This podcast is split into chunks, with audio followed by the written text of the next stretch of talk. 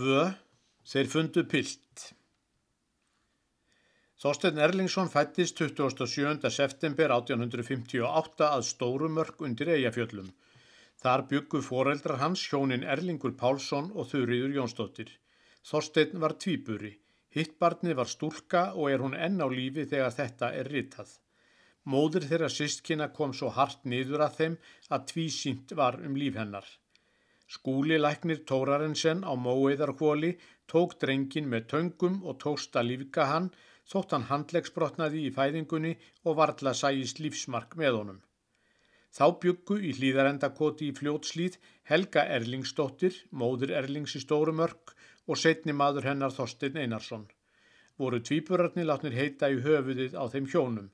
Þau buðu sveininum fóstur að gömlum íslenskum síð var Þorstein mánadar gamall reittur út yfir markarfljót og átti hann síðan heima í hlýðarendakoti þanga til hann var orðin stúdent og syldi til kaupmannahafnar. Um ætterni Þorstein skal hér fátt eitt sagt að honum stóð í næstu liði bænda fólk í rángárþingi en vitanlega má reykja suma knéruna til nafnkunnugra manna ef lengra er talið eins og flestra Íslendinga. Þess má geta að þau Helga Hallgrímsdóttir, móður Amma Þorsteins og Tómas Sæmundsson voru sískinabörn og þær Margrét Þórðardóttir móður Magnúsa Landsöfðingja bræðradætur. En kynlegastur kvistur meðal náfrænda Þorsteins var móður bróðir Helgu í hlýðarendakoti Páll Jónsson síðast prestur í vestmannegjum. Síra Páll Skáldi var alþektur maður á sinni tíð. Hafa gengið um hann ymsar sögur og sömar vísur hans og kviðlingar verið á alþýðu vörum þótt fátt sé prentað enda varla allt til þess fallið. Hann hefur tvímalalöst verið skarp gáfaður og ágætlega hagorður en hafði hvorki metnað nýja ástundun til að leggja það rekt við skáldskap sinn sem verðt hefði verið. Brá hann orðkingi sinni og hagmælsku helst fyrir sig í glensi, þótti bæði fyndin og nýðskeldin og jafnvel kraftaskáld. Þorstein hafði miklar mætur á þessum langömmu bróður sínum og myndist hans oft. Helga, sýsturdóttir Síra Páls, amma Þorsteins og fóstra, var og hagmælt þótt hún heldi því lít á lofti. Um æsku Þorsteins Ellingssonar leg ljómi í minningu hans alla daga. Vandfundin myndi svo byggð á Íslandi er fleira hefði að bjóða næmum barsuga en fljótslýðin fyrir innan hlýðarenda. Þar er hvert bæjarstæðið öðru fegura. Hlýðin fyrir ofan, yðja græn með fossandi ár og læki, á alla mýkt og indistokka íslenskra sveitasælu. Þverá byltist fyrir neðan, sámleit og háskaleg. Handan hennar hinn neðra taka við sléttur landegjanna en vestmanna eigjar blána í opnu úthafinu. Ínum eigin gnæfir eigafjallajökull og sést inn til Þórsmerkur og Góðalands. Hvert sem litið er blasa við staðir sem helgaður eru af frásögnum njálu og hvæðum Bjarna og Jónasar. Þorstein naut mikils ástrykis í hlýðarendakoti, bæði af ömmu sinni, nafna og föðursískinum og dálætis af öllu nágrannafólki. Hann dapnaði vel, var þinn fríðasti sveit, bráðger að gáfum og fór kornungur að yrkja, var ör í skapi og dálítið glettin en líka þýður og viðkvæmur í lund. Til heimilis í hlýðarendakoti var Jón Jónsson söglasmiður sem víða hafði farið og var gettur meira ímyndunarafli en gengur og gerist svo að stundum kerði úr hófi fram á efri árum hans. Jón mun öðrum fyrr hafa séð hvað í Þorsteini bjó, hvart hann til þess að yrkja og hleypa heimdraganum. Sumarið 1876 bar gesti að gardi í hlýðarendakoti, segir síra Mattías Jokkumsson svo frá í söguköplum sínum. Við Stengrimur Torstensson fundum pilt austur í fljótslýð er okkur þótti gott mannsefni. Það var Þorstein Erlingsson. Stengrimur kend honum latínu um veturinn en að öðru leiti dvaldan mest hjá okkur og útvegaði ég honum töluverðan fjárstyrk hjá góðum mönnum. Líklega hefur Jón Söðli sem var máldjarfur maður og mörgum kunnugur talað við þá Mattías og Stengrim um Þorstein og skáldskap hans því varlamundi pilturinn af sjálfstáðum hafa flíkað hvæðum sínum við slík stormenni. Þessi tilviljun, tækifæri sem gripið var, skar úr um síðari örlög Þorsteins. Án þessa hefði hann að líkindum orðið smábóndi östur í Rángarvallasíslu, vafalöst nýtur búþegn og ágætur hagirðingur en sjónringurinn þröngur og yrkisefnin fábreytt. Hann hefði ekki átt kost á jafn fjölbreyttir í reynslu sem Sigurður Breiðfjörð nýja jafngóður í mentun sem prestsónurinn Páll Ólafsson. Nú var honum beint inn á brautir sem lágu langt út í fjarskan frá æskustöðum hans og hugsana heimi þeirra. Svo skiknir sem þeir Mattias og Stengrimur voru hefur þá ekki órað fyrir því með hverjum hætti yrði vegferð og þroski þessa pilts sem hvor þeirra um sig mun hafa vonað að fetaði sem mest í fótspór sín. Þorstein fór höstið 1876 til Reykjavíkur, byrjaði að læra þar undir skóla og þá kom á prent í þjóðólfi fyrsta kvæði hans, Erviljóð eftir Pál Pálsson frá Árkvörn. Um veturinn naut Þorstedt kennslu höfuskaldana þryggja, Mattíasar, Steingríms og Gröndals. Við tvo hinn að síðar nefndu battan vináttu sem helst órofin til æviloka þeirra.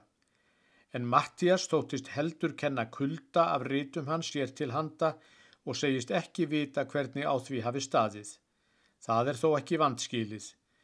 Þorstein varð á skóla árum sínum miklu handgengnar í steingrími og hnegðist meir að skálskaparstefnu hans. Eitt af því sem íslenski stúdentar á hafnar árum Þorsteins fundu sér til deilu efnis voru þeir Mattías og Steingrimur.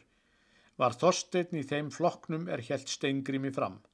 Þá var og greinilegri skoðanamunur með þeim Mattíasi og Þorsteini. En rétt er að geta þess að Þorstein kunni fyllilega að meta skáldskap Mattíasar. Ég heyrðan fara með erindi úr hvæðum Mattíasar og viknaðan við að fegur þeirra. Þorstein var í lærðaskólanum í Reykjavík 6 ár, 1877 til 1883. Námið mun hafa verið honum mísjaflega geðfelt og sagði hann svo frá að sér hefði orðið það einna dríkst er þeirri Guðmundur Magnússon, síðar profesor, löpuðu saman úti og Guðmundur sagði honum frá ymsu sem Þorsteini leittist að læra. Ekki er mér kunnugt um hvað hann hefur lesið erlendra bóka á skóla árónum en varla hefur hann þá að neinu ráði kynst hinn í nýju stefnu í bókmentum Norðurlanda enda mun stengrimur fremur hafa bent honum á rít eldri skálda, innlendra og útlendra.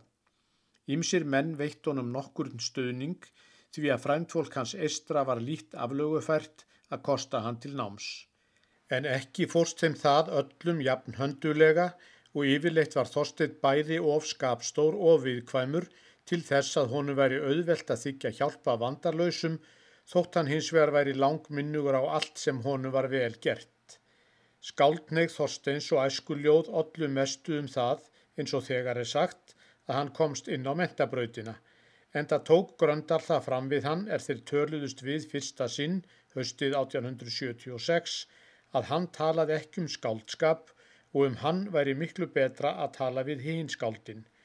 Fátt er nú varðveitt af því sem hann orti áður en hann kom í skóla en frá skólaárunum er talsvert til af hvæðum eftir hann, sumt óprentað en nokkuð prentað og er hið helsta af því í söngum og hvæðum sem Jónas Helgason gaf út 1881 og í söngkjenslubók sama manns frá 1883. Úrval þess sem nægilega sínir Hvernig Þorstein orti á þessum árum er fremur í öðru bindi þessarar útgáfu. Um þetta bíl var talsvert um að vera í íslenskum bókmentum eftir því sem gerðist á 19. öld.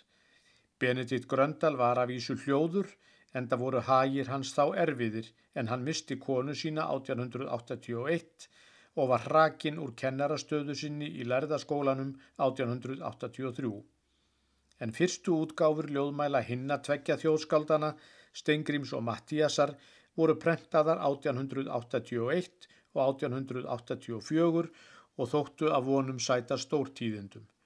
Ljóðmæli Gríms Thomsen byrtust 1880 og komust menn ekki hjá því að gefa þeim gaum þótt fáir vissu gjörla hvar maklegt væri að skipa bestastaðabundanum til sætis á bekk skaldana. Árið 1882 kom verðandi sunnan frá Kaupmannahöfn. Hún var ekki einungis boðbyr í nýra stefnu, heldur komu þar fram fjögur ný skáld. Um tvö þeirra, Gest Pálsson og Hannes Hafstein, var engum vafa undirorpið að þegar sópaði mikið að þeim. Bertel E. Ó. Þorleifsson og Einar Hjörleifsson voru óráðnari en samt virtist full ástæða til þess að vonast eftir meira af þeim síðar. Varla var við því að búast að tækifæriskvæði og söngtekstar skólapilsins úr fljótslíðinni vektu mikla aðtikli almennings er að svo mörgu öðru var að higgja. Þorstein var þremur árum eldri en Hannes Hafstein, ári eldri en Einar Hjörlefsson og aðeins ári yngri en Bertel. En allir þessir menn luku skólanámi og komust út í veröldina á undan honum og ekkert orti Þorstein í Heimdall 1884 þótt hann væri þá komin til hafnar. Hefði einhver glöggur maður gefið nánar gætur að hvæðum Þorsteins frá skóla áronum, mundan híklust hafa talið hann læri svein Stengrims í listinni. Yrkisefnin voru svipuð sem í hinnum romantísku hvæðum Stengrims en hagmælskan meiri og stílinn fáaðri. Ef vel væri að þessum unga manni búið og hann tæki eðlilegum þroska, voru allar horfur á að hann gæti auðgað íslenskar bókmentir að mörgum indislegum ljóðum, eftir vill með tímanum orðið annar Jónas Hallgrímsson. Þorstedt gekk alveg fram hjá æskuljóðum sínum er hann gaf þyrna út. Í þeim kemur samt fram ímislegt sem telja má til aðal þátta í skálskap hans alla tíð, þótt hann hefði ekki enþá fundið því svo fullkomin og sérstæðan búning sem síðar varð. Drömlindi við kvæmni með nokkrum þunglindisblæ, söknuður æsku og æsku gleði. Hann yrkir um farfuglin sem Ísland segðir til sín þótt hans býði þar mislind veðráta og hrjóstrug náttúra. En dýrin og framaröllu fuglarnir urðu honum laungum að yrkisefni. Ættjarðar ást hans er þegar heit og vakandi og pilturinn sem aldrei hafði komið út fyrir landsteinana þorir að segja um Ísland þessi einföldu og máttugu orð. Það líkist engum löndum. Í vísunni nú tjaldar foldin fríða tógast gladlindið á við bölsínina og í kvæðinu til Jóns Söðlasmiðs í hlýðarendakoti sem Þorsteit sendi honum heim, nýkomin til Hafnar, koma fram tryggð og ræktarsemi sem alla æfi voru grunntónar í eðli hans.